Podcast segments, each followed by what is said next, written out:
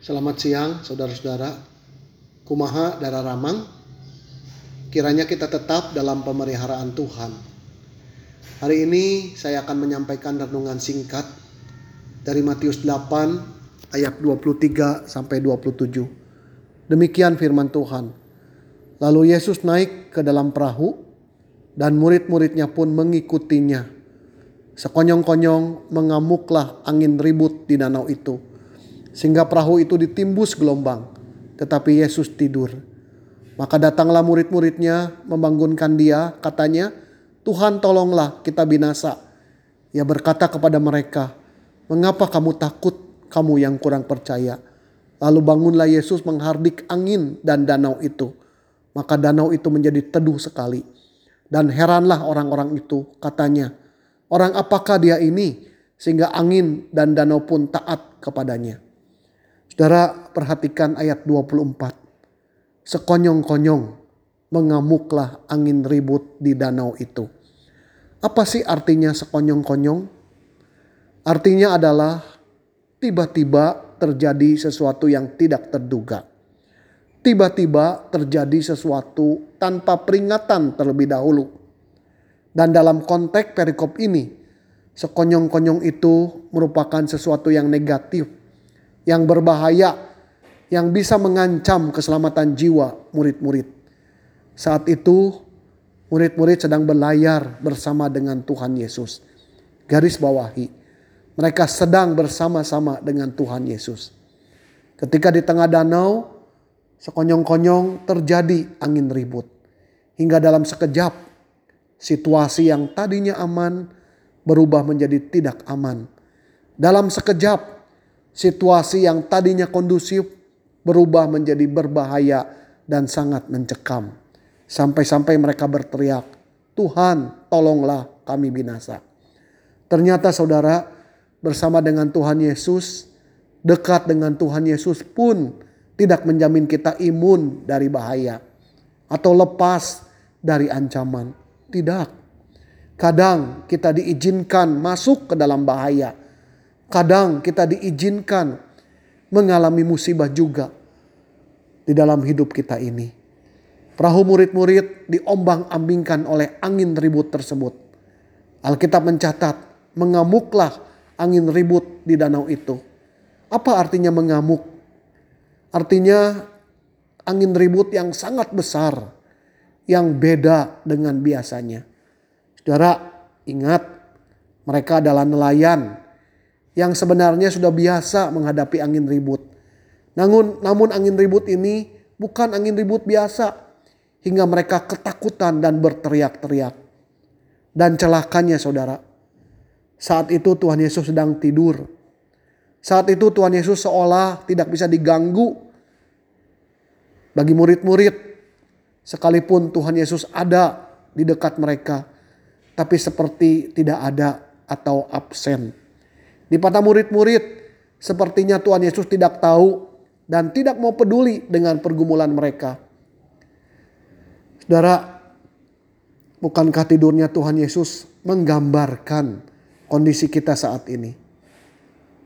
Saat wabah corona merebak di tengah-tengah kita, wabah tersebut cukup banyak merenggut korban jiwa, termasuk beberapa hamba Tuhan juga menjadi korbannya.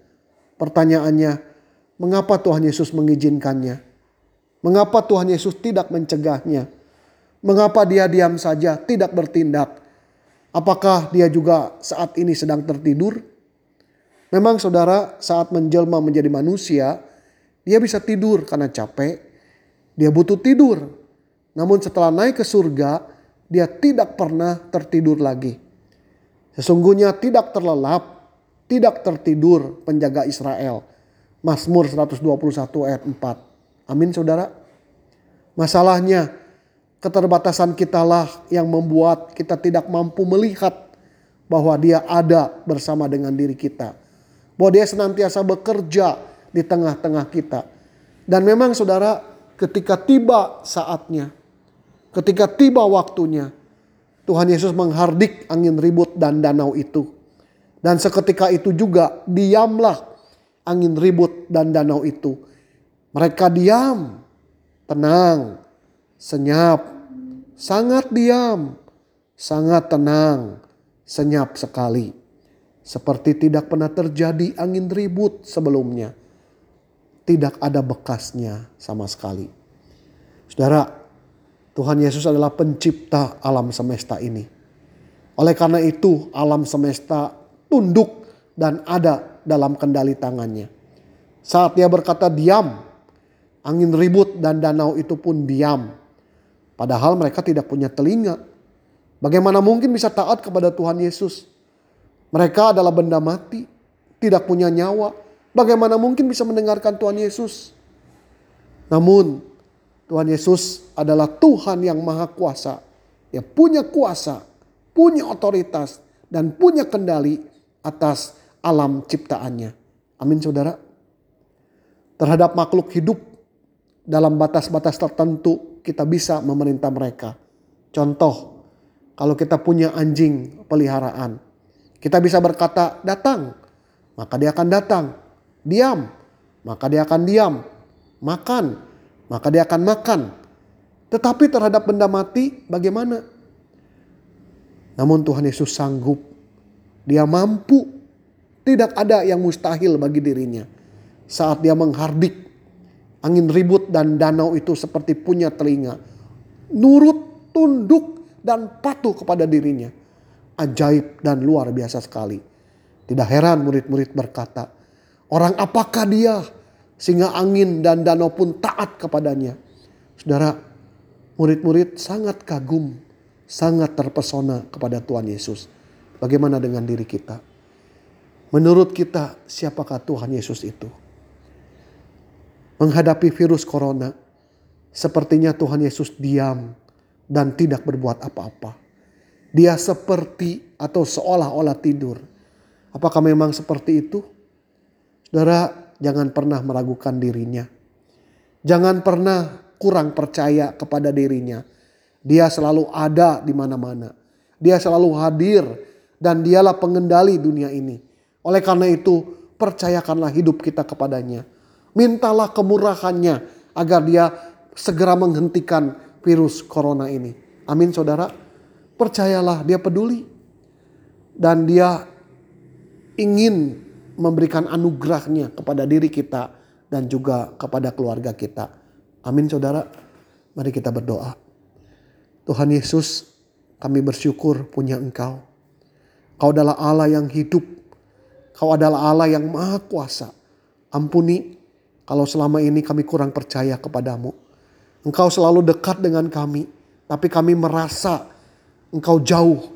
Engkau selalu menyertai kami. Tapi kami merasa kau absen dan tidak hadir di dalam hidup kami. Sehingga kami diliputi oleh kekhawatiran, ketakutan, ketidakpercayaan. Tuhan terima kasih untuk firman-Mu yang kembali mengingatkan kami bahwa Engkau adalah Allah yang hidup Allah yang berkuasa. Segala sesuatu tunduk kepadamu Tuhan. Baik makhluk hidup maupun benda mati. Tuhan terima kasih. Tuhan kami serahkan hidup kami, keluarga kami, usaha kami, masa depan kami ke dalam tanganmu. Karena engkau adalah Allah yang bisa jadi sandaran bagi hidup kami. Inilah doa kami. Dalam nama Tuhan Yesus kami berdoa. Amin. Terima kasih untuk semuanya. Tuhan Yesus memberkati kita semua.